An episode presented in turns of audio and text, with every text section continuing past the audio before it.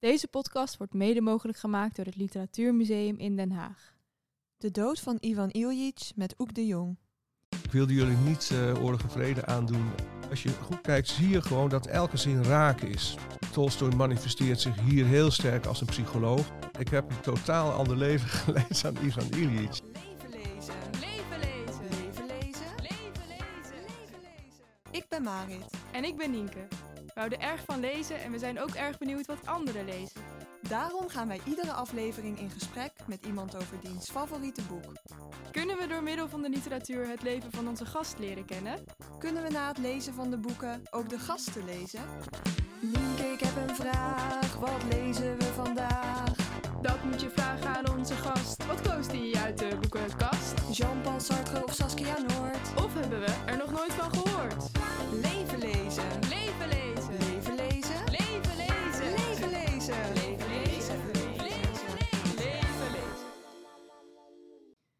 Deze keer is het tijd voor een Russische klassieker. Ja, eh, in de aflevering gaan we het hebben over de dood van Ivan Iljic, geschreven door Leo Tolstoy. Een schrijver waarvan ik me eigenlijk niet kan voorstellen dat onze luisteraars er nog nooit van hebben gehoord. En van wie ik me ook niet kan voorstellen dat mensen hem niet kennen, is onze gast deze keer, schrijver Oek de Jong. Mhm. Een gevestigde naam binnen de Nederlandse letteren. Onder andere bekend van de boeken Opwaaiende Zomerjurken, Pier en Oceaan en het onlangs verschenen Man zonder rijbewijs. Nee, met dat boek staat hij nu ook op de shortlist van de Libris Literatuurprijs. Misschien zal hij hem dit jaar voor het eerst in zijn leven wel winnen. Ja, en de boeken die nu op de Libris-lijst staan, worden later misschien wel klassiekers. En laat klassiekers nou net de rode draad zijn van ons gesprek. Ja, we gaan het hebben over Leo Tolstoy. Tolstoy leefde van 1828 tot 1910. En hij werd dus 82 jaar, wat best wel een bijzonder hoge leeftijd is voor die tijd. En in die 18 decennia is hij ook heel veel bezig geweest met de dood. In veel werken die hij heeft geschreven gaat het over de dood. Ja, toen Tolstoy 50 was, had hij een uh, bijna doodervaring.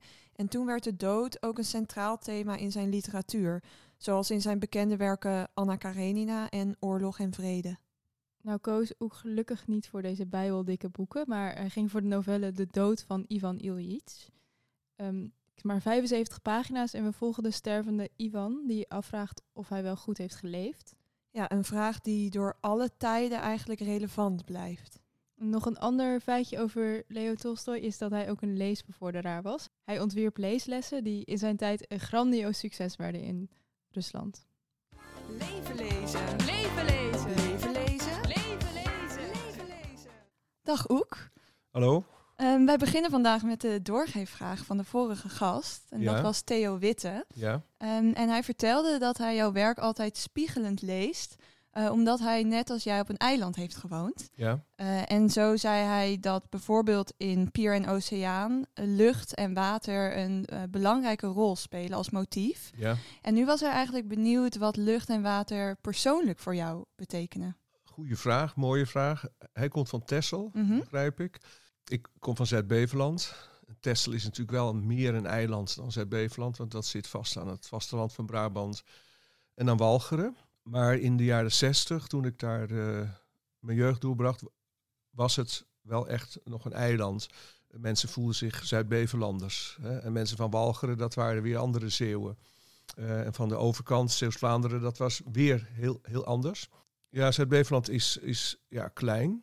Je bent um, vanuit Goes kun je dus met de fiets ben je in 20 minuten bij de Oosterschelde. En als je iets langer fietst, bijna drie kwartier, dan ben je bij de Westerschelde. Dus het ligt echt tussen twee hele grote waterstromen. Nou, dat heeft in mijn jeugd een hele grote rol gespeeld. Um, ik kwam uit Friesland, dus daar waren de Friese meren um, en de Waddenzee. Maar toen was ik heel klein, dus daar heb ik toen heel weinig van gezien. Dus het is echt vooral Zeeland en met name de Ooster- en de Westerschelde die die, die imprint uh, hebben nagelaten bij, uh, bij mij.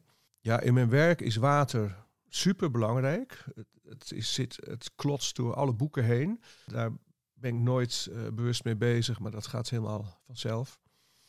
Um, dus het is een element wat me heel sterk aantrekt, kennelijk. Ik heb veel gezwommen. Ik ben uh, heel lang een zeiler geweest. Dus ik heb ook veel op het water gedaan en aan het water. Ja, wat ik wel interessant vind is dat um, uh, mensen als uh, Jung, hè, een, een, analyticus, psychoanalyticus, uh, grote tegenstander van Freud, dat hij het water associeert met het, met het gevoelsleven en vooral met het onderbewuste van mensen. En vooral met dat laatste, daar kan ik wel mee uit de voeten.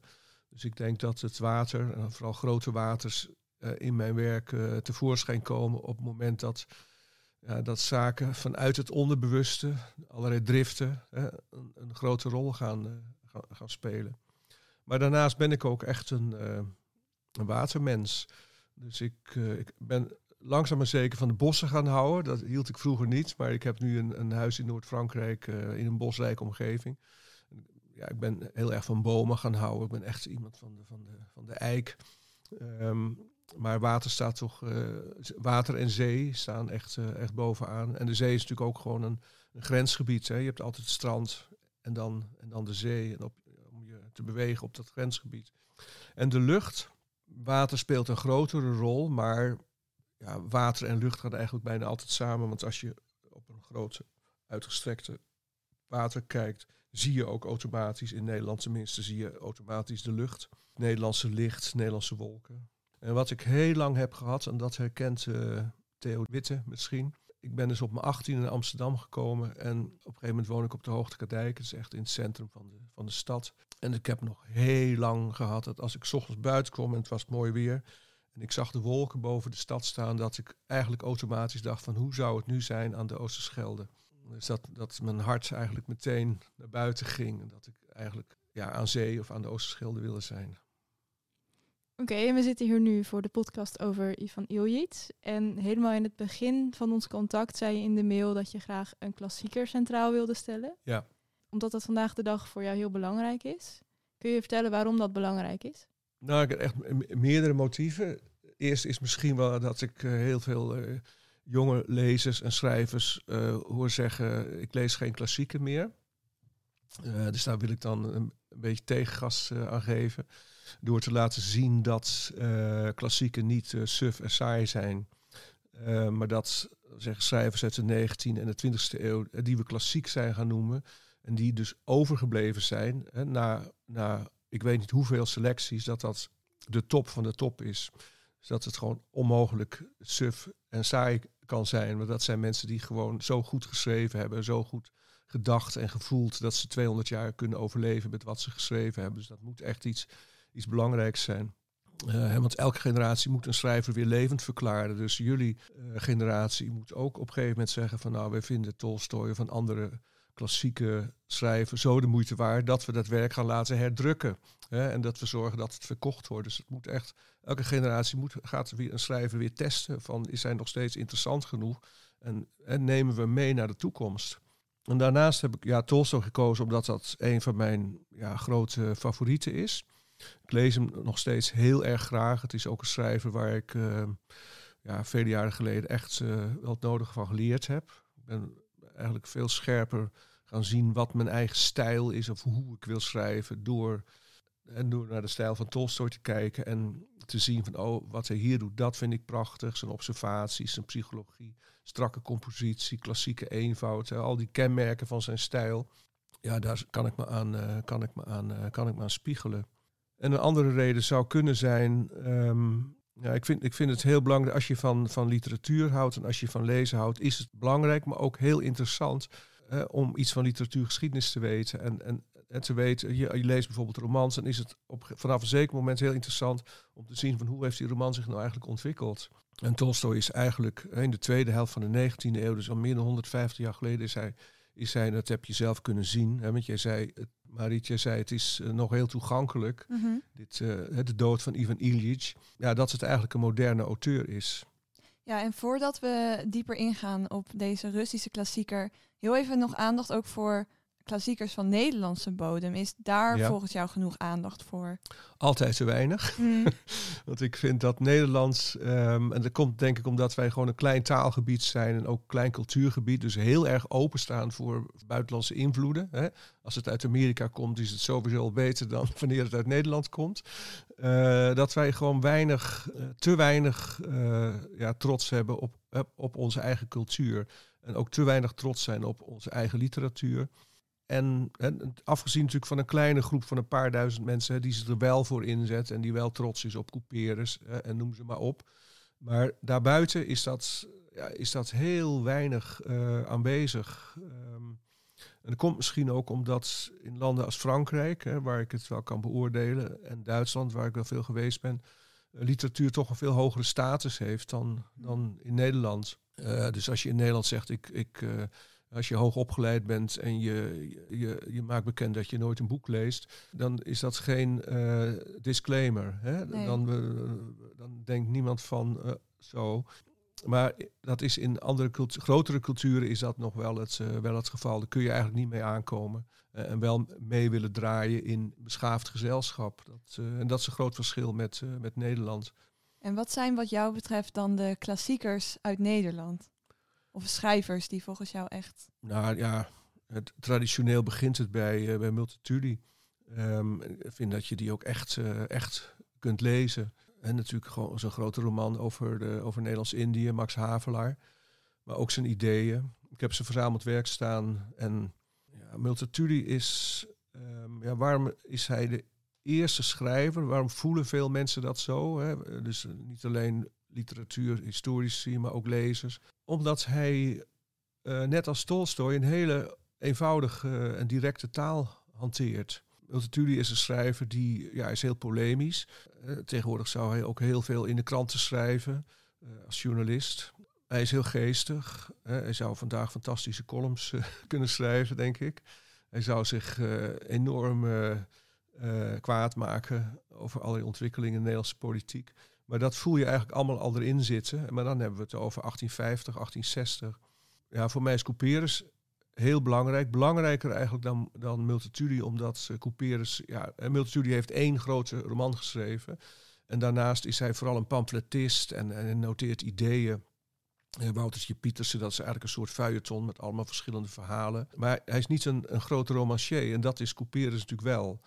Um, en van Couperus dan ja, de bekende Haagse, de realistische romans. Dus uh, de, ja, Stille Kracht is dan Nederlands-Indië, maar dat mhm. is wel dat groepje.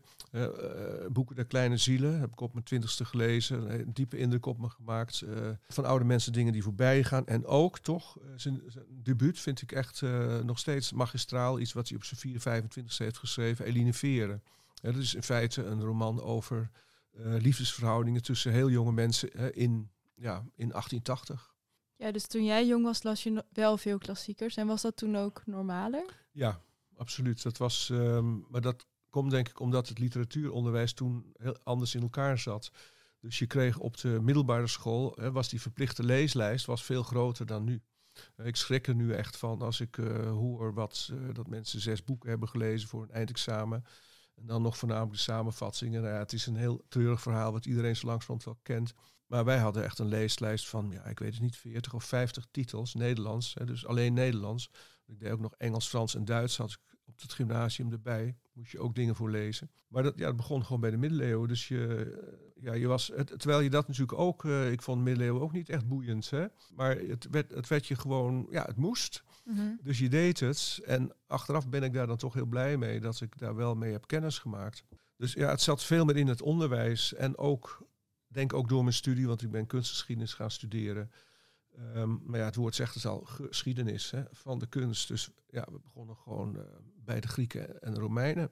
En gingen zo de hele geschiedenis door, de eerste vier jaar. Gewoon door mijn opleiding ben ik continu in contact geweest eigenlijk met, met alles wat klassiek is in onze cultuur. Dus literatuur, maar ook beeldende kunst, muziek. En ja, ik denk dat ik nog tot een generatie behoorde, waarschijnlijk de laatste generatie voor wie die, die, die humanistische traditie, hè, waar dit uit voortkomt, want wat ik nu vertel, dat is eeuwen zo geweest. Hè. Dus ik heb nog een klassiek gymnasium gehad met 18 uur uh, Grieks en Latijn in de week op een rooster van 36 uur. En ik ben de laatste, denk ik. Hè, dat is daarna is dat echt heel erg veranderd. Maar voor mij zaten, om zeggen, ik denk nu aan Nietzsche, Schopenhauer, maar dat gaat gewoon door tot, uh, tot in de 16e eeuw. Die schrijvers hebben allemaal eigenlijk dezelfde beelddoen gehad. Dus ik heb Ovidius gelezen, maar schrijvers van 300 jaar geleden lazen dat ook. Het is gewoon een doorlopende geschiedenis uh, van schrijvers die ook allemaal met elkaar in contact staan en elkaar ook allemaal kunnen begrijpen, omdat ze eh, tot op zekere hoogte eh, dezelfde boeken hebben gelezen. En dat is, ja, in het begin van deze 21ste eeuw is daar echt een, volgens mij een knip in gezet. En is dat voorbij of bijna voorbij? Of gaat het zich misschien herstellen? Ik weet het niet. Maar ik denk dat het, ja, dat het toch aan de, achter de horizon aan het verdwijnen is. Leven lezen. Leven lezen. Leven lezen. Leven lezen. Leven lezen. Ja, en we gaan vandaag weer verder met de Russische literatuur. Yes. En waarom heb je dan precies gekozen voor deze, van de dood van Ivan Ilyich? Nou, ik wilde jullie niet uh, Oorlog en Vrede aandoen en uh, Anna Karenina, dat ontzettend dikke boeken zijn. Uh, ik wilde het ook mezelf niet aandoen. ik, heb niet, ik had niet dacht, dan moet ik gewoon twee weken lezen. En dat is gewoon toch wel erg veel tijd. Ik heb de dood van Ivan Ilyich gekozen omdat het A, een boek is wat mij ja, enorm ontroert. Echt heel aangrijpend vind ik het. Ik vind het buitengewoon knap. Het is echt een meesterwerk en daar denkt uh, bijna iedereen zo over. Die dit, uh, mensen als Nabokov, andere schrijvers, allemaal dezelfde mening. Dit is, Nabokov vindt de dood van Ivan Illich zelfs beter dan Oorlog en Vrede. Is een beetje lekker uh, dwars liggen. Maar uh, hij had er ook een hele hoge pet van op. En ik vind het ook echt een meesterwerk. Maar het is ook, het ontroert me heel sterk. Ik voel echt een verbinding met het onderwerp. Dus met het, met het sterven en het, en het lijden wat daar aan vooraf gaat. Ja, het, Tolstoy manifesteert zich hier heel sterk als een psycholoog. Hij fileert alle gevoelens hè, van, niet alleen van Iwan, de, zieke, maar ook van zijn vrouw, zijn dochter, alle mensen om hem heen. Uh, ik vind het prachtig van observatie. Het is heel scherp geobserveerd. En ik heb ook een beetje didactisch gedacht van nou, het is echt een hele mooie introductie tot Tolstoy. Dus je kunt, als je wilt kennismaken met Tolstoy, dan kun je gewoon beginnen met, met dit verhaal van, wat is het, 75, 80 bladzijden. Ja, en behalve dat het dan ook een introductie is op Tolstoy, is het misschien ook wel een hele mooie introductie op een novelle. Ja. Er staat in ieder geval op de achterkant dat uh, deze vaak wordt genoemd als het beste voorbeeld van een novelle. Ja. En wat maakt dat een novelle goed is volgens jou? Um, een novelle moet natuurlijk compact zijn. Uh, kijk, een novelle heeft gewoon de, de, het, het, lijkt op een roman, maar het is in feite toch een hele andere techniek. Uh, je moet, meestal werk, wordt er in novellen met minder personages gewerkt. Het verhaal is compacter.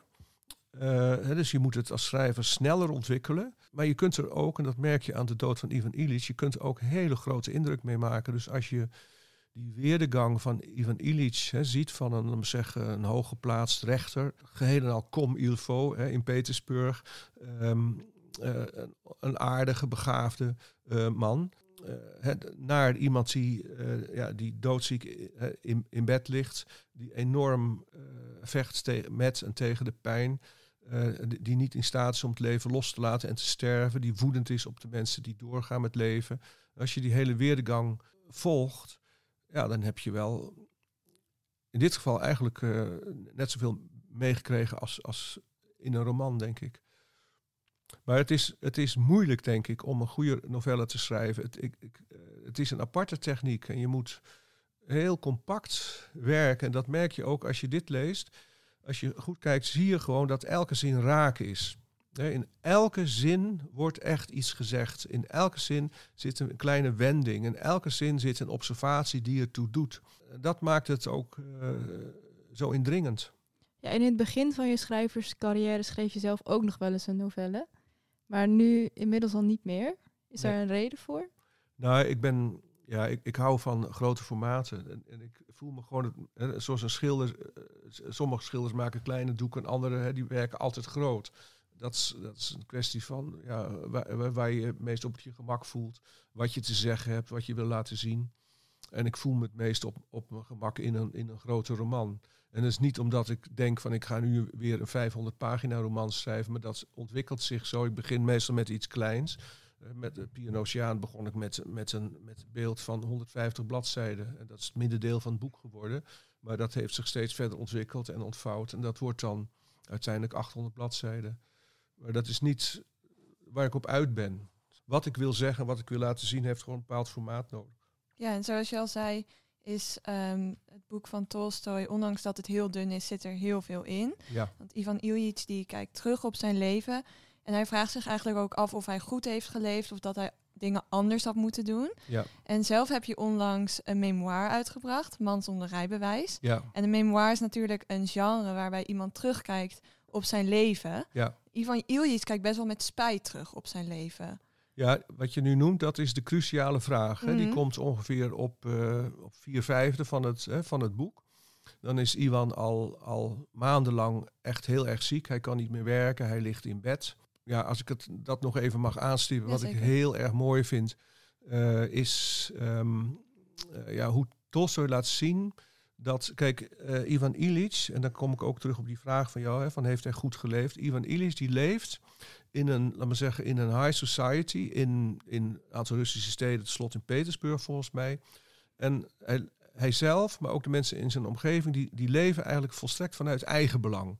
Zijn alleen maar daarmee bezig. Hè, van hoe kom ik vooruit in de wereld? Ehm, eh, heb ik een eh, voldoende salaris? Heb ik voldoende status? Welke indruk maak ik op andere mensen? Hè?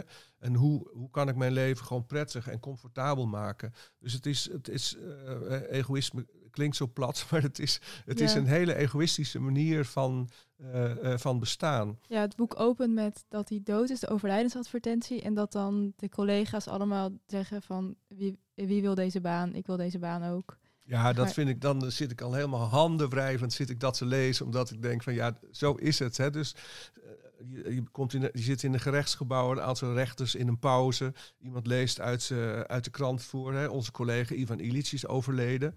Ehm, nou, dan, dan is het even stil en dan spreken ze de woorden die je dan behoort te spreken. Maar Tossen geeft natuurlijk de gedachte weer.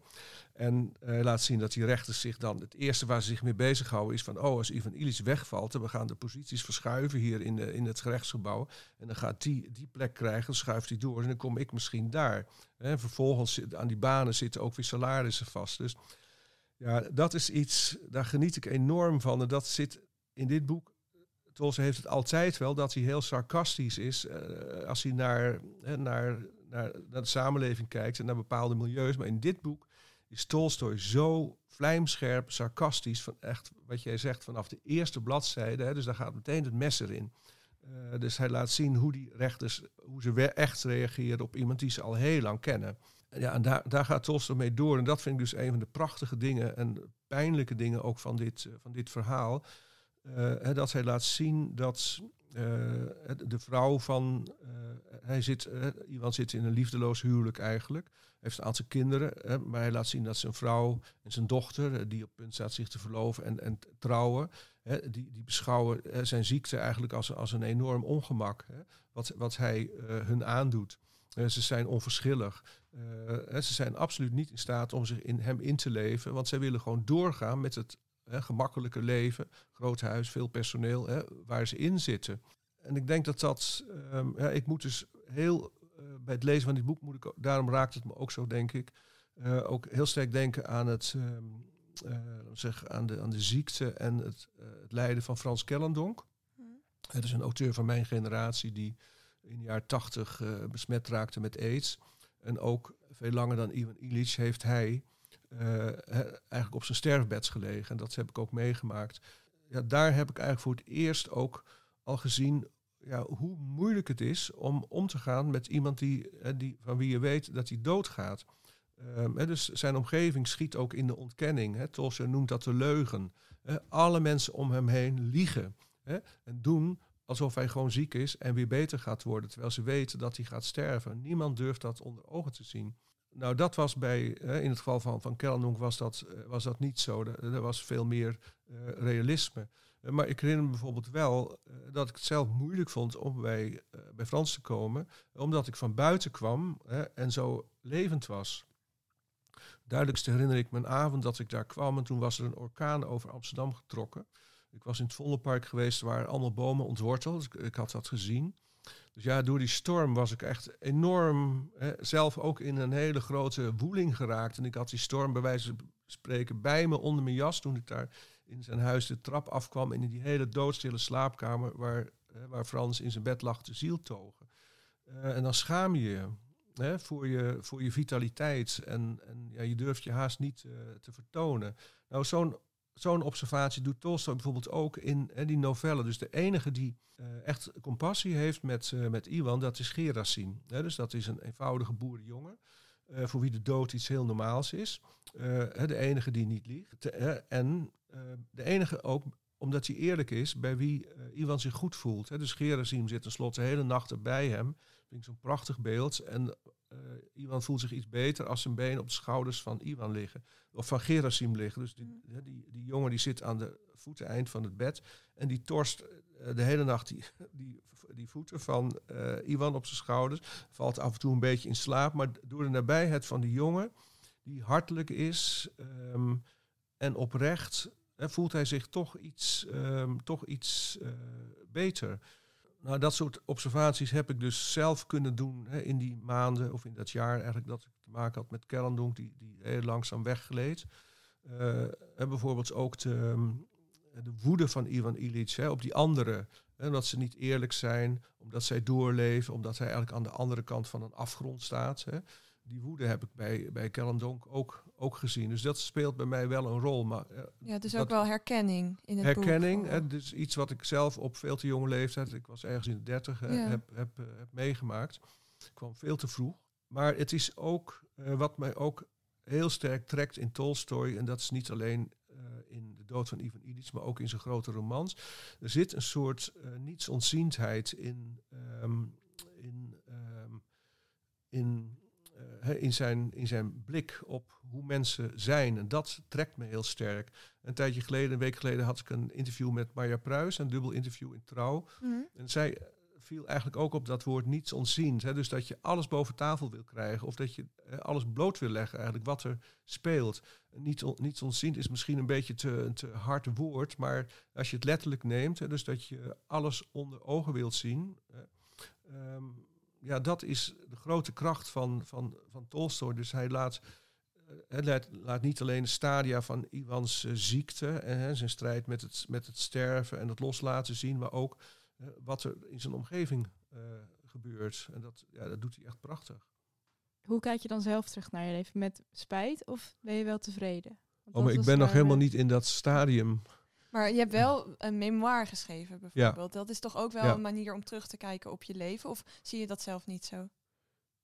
Ja, maar de, de situatie van Ivan Illich is toch echt, echt heel anders. hè? Omdat hij gewoon zeker weet dat hij doodgaat. Um, en, en dat is, dat is, laten we zeggen, een. een uh, je zei het al, hè, de, de cruciale vraag is, hè, dat op dat, dat, punt komt hij op een gegeven moment van, uh, heb ik eigenlijk wel goed geleefd?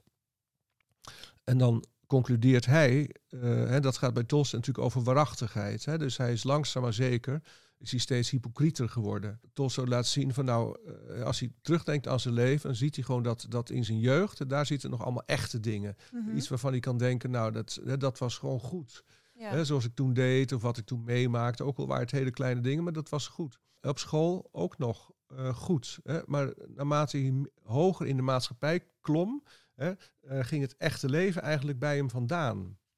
Ja, en over die jeugd gesproken, we hebben natuurlijk al het een en ander over het boek gezegd. Maar het is ook leuk om even een stukje uit het boek zelf te horen. Ja. Um, en ik heb een stukje uit het boek, of je dat even zou willen voorlezen. Ja, ja zo hoofdstuk 6, dan zitten we echt uh, ver over de helft. Diep van binnen wist Ivan Ilyich dat hij doodging. Maar niet alleen was hij nog niet aan die gedachte gewend, hij begreep het simpelweg niet. Hij kon het gewoon niet begrijpen. Het voorbeeld van het syllogisme dat hij in de logica van Kiezenwetter had geleerd. Caius is een mens. Mensen zijn sterfelijk, dus Caius is sterfelijk. Had hem zijn hele leven alleen juist geleken met betrekking tot Caius, maar absoluut niet tot hemzelf. Het ging daar om de mens Caius, om de mensen in het algemeen. En dan was het volstrekt juist. Maar hij was Caius niet. En hij was niet zomaar een mens. Hij was altijd volkomen, maar dan ook volkomen anders geweest dan alle andere schepsels. Hij was Wanja met zijn mama, zijn papa, met Mitja en Wolotja, met zijn speelgoed, de koetsier, met zijn kindermeid. En daarna met Katenka, met alle vreugde, verdrietigheden en verrukkingen van zijn vroege kindertijd en jeugd. Ja, en zoals je net zelf al zei, was het in zijn jeugd daar kijkt hij met heel veel um, plezier eigenlijk op terug. Is dat iets wat je ook herkent, dat dan de kindertijd heel mooi is? Nee, ik heb een, ik heb een totaal ander leven geleid dan Ivan Iljic. Ja. Hè? Ik ben niet... ehm, eh, ik ben een schrijver. Eh, en ik ben niet ehm, zeggen, de wereld ingegaan om, ja, om, om carrière te maken. Om in de smaak te vallen bij mijn meerdere. Hè. Hij trouwt met een bepaalde vrouw, omdat hij weet dat zijn meerderen, hè, dus de mensen die hem kunnen promoveren, haar wel zien zitten. Ja, ik heb niet, durf ik wel te zeggen, dat oppervlakkige leven wat, eh, hè, wat, ehm, wat Iwan hè, eh, heeft geleid. Het is een hele beminnelijke man. Hè, maar ja, hij is toch altijd bezig geweest met, ook met macht. Want als rechter hè, heeft hij wel echt heel erg dit gevoel gehad van ik heers eh, over, over mensen en ik kan over leven en dood beslissen. Dus hij is daar ook wel heel erg onder de indruk van, van geweest. En ja, hij heeft heel oppervlakkig geleefd. Je zou kunnen zeggen, hè, ver, ver van zichzelf is hij eigenlijk eh, hè, weggegaan. Hij is helemaal niet uitgegaan van, van, van wie ben ik nou zelf. Eh, hij, hij heeft heel weinig eh, liefde gevoeld voor andere mensen. Wat ik in het begin zei, hij heeft volledig geleefd vanuit eigen belang. En daar wordt hij dus, op zijn sterfbed, wordt, wordt hij mee geconfronteerd. En dan komt hij op een gegeven moment tot de conclusie van het leven waarvan hij altijd heeft gedacht dat het helemaal was zoals het hoorde, tot in de puntjes, helemaal correct. Dat blijkt het verkeerde leven te zijn geweest. En eh, tot die conclusie komt hij volgens mij omdat hij eh, in, in, die, in die hel van die pijn eh, eh, begint hij eindelijk echt te voelen. Eh, en te voelen van, van wat is nou echt waardevol in mijn leven geweest? Hè? En- wat is al dat andere dan geweest? Hè? Al die feesten, al die, die kaartpartijtjes, ehm, eh, al die plichtplegingen, al die visites die ik heb afgelegd terwijl ik er helemaal geen zin in had. Wat betekent dat dan eigenlijk? Hè? Dat, is, dat, is, dat is helemaal niks, dat is wind. En daarom komt hij dus bij die, bij die jeugdherinneringen uit, omdat hij voelt van ja, hè, hoe, ik op schoot zat bij mijn kindermeisje en hoe dat was als zij mij een verhaal vertelde hè, en hoe ik daar eh, eh, op reageerde, dat was echt. En heb jij het gevoel dat jouw leven steeds betekenisvoller is geworden? Ah, hij gaat wel door. Steeds betekenis. Nee, nee, ik heb. Ik, nee, nee, ik zou het gewoon zo anders moeten formuleren. Hè. Voor mij is, is het dan zeg, is een groot thema geweest dat, dat ik. ehm, en dat zit ook in eh, Man zonder rijbewijs. eh, dat ging. eh, dat gaat over, over mijn verbinding met de buitenwereld, mijn verbinding met anderen. Ik denk dat ik daar heel sterk in gegroeid ben. En dat, dat, dat dat halen van dat rijbewijs, dat dat ja, ook zeg, een soort uiteindelijk volledig aankomen in de wereld markeert. Hè. Heel bizar op mijn 68ste. Maar dat ik ehm, het toch lang er half buiten heb willen staan of, of me niet goed kon verbinden met anderen. En dat dat langzaam maar zeker ehm, ja, in mijn ogen dan beter is geworden. Eh, dus dat ik er ook steeds meer plezier in heb gekregen. Eh, Als ik dus mijn eigen weerdegang zou moeten eh, beschrijven, eh, dan zou het meer ja, over zo'n thema gaan. En niet, ehm, want een schrijver is iemand die juist niet weggaat van zichzelf, hè, maar iemand die inkeert naar zichzelf. Anders kun je niet schrijven. Dus je, eh, het leven zoals Ivan dat heeft geleid, eh, dus steeds weggaan eigenlijk van, van, van wie, wie, wie hij echt is. Hè, maar een, show opvoeren in de buitenwereld, ja, dat heb ik nooit gedaan. Omdat ik eh, door het werk wat ik doe, of nooit heb ik nooit gedaan, hè, zoiets heb ik ook wel eens gedaan, maar bedoel, dat is niet mijn leven. Eh, en mijn leven is gewoon na- naar binnen kijken en juist wel me richten op wat vind ik nou echt waardevol, wat vind ik nou echt wezenlijk. Eh, wat, houdt, wat houdt me nou echt bezig? Wat zijn nou echt mijn problemen? Dus ja, je zou kunnen zeggen dat het eigenlijk het, mijn schrijversleven het tegen- tegenovergestelde is van het, van het leven als rechter van, van Iwan. En wat, wat uiteindelijk, wat we wel allemaal gemeen hebben met Ivan, is dat we uiteindelijk allemaal doodgaan. Ja. En Ivan gaat op een vreselijke manier dood. Hij heeft drie dagen pijn en hij schreeuwt drie dagen lang en Ja. Is het uiteindelijk over. Is dat iets waar je tegenop ziet? Tegen de dood? Ehm. Niet dat jij ook drie dagen lang doodgaat, maar Ja, eerst, eerst wat ik denk is heel nuchter hoor. Want dit verhaal is natuurlijk, dat speelt in, in 1886. ehm, geïnspireerd op een s- sterfgeval wat Solskjaer had meegemaakt. Ja, je denkt de medische wetenschap is natuurlijk oneindig veel beter geworden. Dus eh, om te beginnen kunnen die doktoren in het verhaal eigenlijk niet vaststellen wat, ze, hè, wat, wat, wat er aan de hand is in zijn lichaam. Ze kunnen niet naar binnen kijken, ze kunnen geen foto's nemen, ze kunnen niet opereren eigenlijk. Ehm, Nee, maar wat ik nu bedoelde was of je gewoon bang bent voor de dood. Nou, dat hangt hier wel mee je- samen, omdat ik natuurlijk weet dat er hè, nu heel veel palliatieve zorg is. Dus eh, Iwan heeft gewoon drie dagen liggen gillen van de pijn en dat hoeft helemaal niet meer. Hè. Dus dat neemt wel veel angst weg, denk ik. Ja, ik vind het heel moeilijk om te zeggen, omdat ik denk dat je op het moment dat je echt in doodsnood verkeert, hè, dus dat je weet dat het gaat gebeuren, je kunt nu, je kunt nooit van tevoren zeggen hoe je dan zult reageren, want er komen krachten in je vrij die je niet kent. Eh, dus je kunt het eigenlijk nooit zeggen van hoe je erop zal, eh, hoe je erop zult eh, reageren. Maar ik, ik heb wel, ja, is echt gefascineerd door de dood. Dus er zitten in zijn, in zijn oeuvre zitten heel veel grote sterfscènes. Hè? Dus op het moment dat hij een sterfscène schrijft, dan gaat hij als schrijver naar grote hoogte. Is hij op zijn best. Hij was gefascineerd door het sterven en, door de dood. En dat voel ik zelf ook. Dat ik ehm, ja, daar niet van wegkijk. Ik ben gewoon ook nieuwsgierig naar hoe gaat dat dan? En ja, ik zou het wel mooi vinden om het, om het helemaal tot het einde toe mee te kunnen maken. Ehm, ook, ook al is het gewoon, zal het heel erg moeilijk zijn. Maar nogmaals, eh, want je moet, je moet echt los gaan laten. En dat, dat is dus het, eh, het, het mooie punt op de laatste bladzijde van die novelle, is dat, hè, dat, dat Ivan Illich er pas in slaagt om, om, om te gaan sterven, om, om zijn leven los te laten, op het moment dat hij medelijden kan krijgen met die anderen. Dat is echt de grote omslag in het, in het verhaal. Hij is steeds woedend op hen geweest omdat ze geen medelijden met hem hadden. En opeens keert, keert dat om en ziet hij van, ja, dat zij ook maar hulpeloos zijn en bang eh en dingen niet onder ogen durven zien. En dan gaat hij medelijden voelen met, met zijn vrouw en met zijn dochter en met, met de anderen. En dat, is het, dat, dat vind ik ook heel geloofwaardig, dat dat het moment is waarop hij ja, in een staat komt dat hij echt afscheid kan nemen van het leven en, en eh, ook niet bang meer is voor de dood. Dan kun je denken, hoe weet Tolstoy dat? Want hij was zelf nog niet zo ver.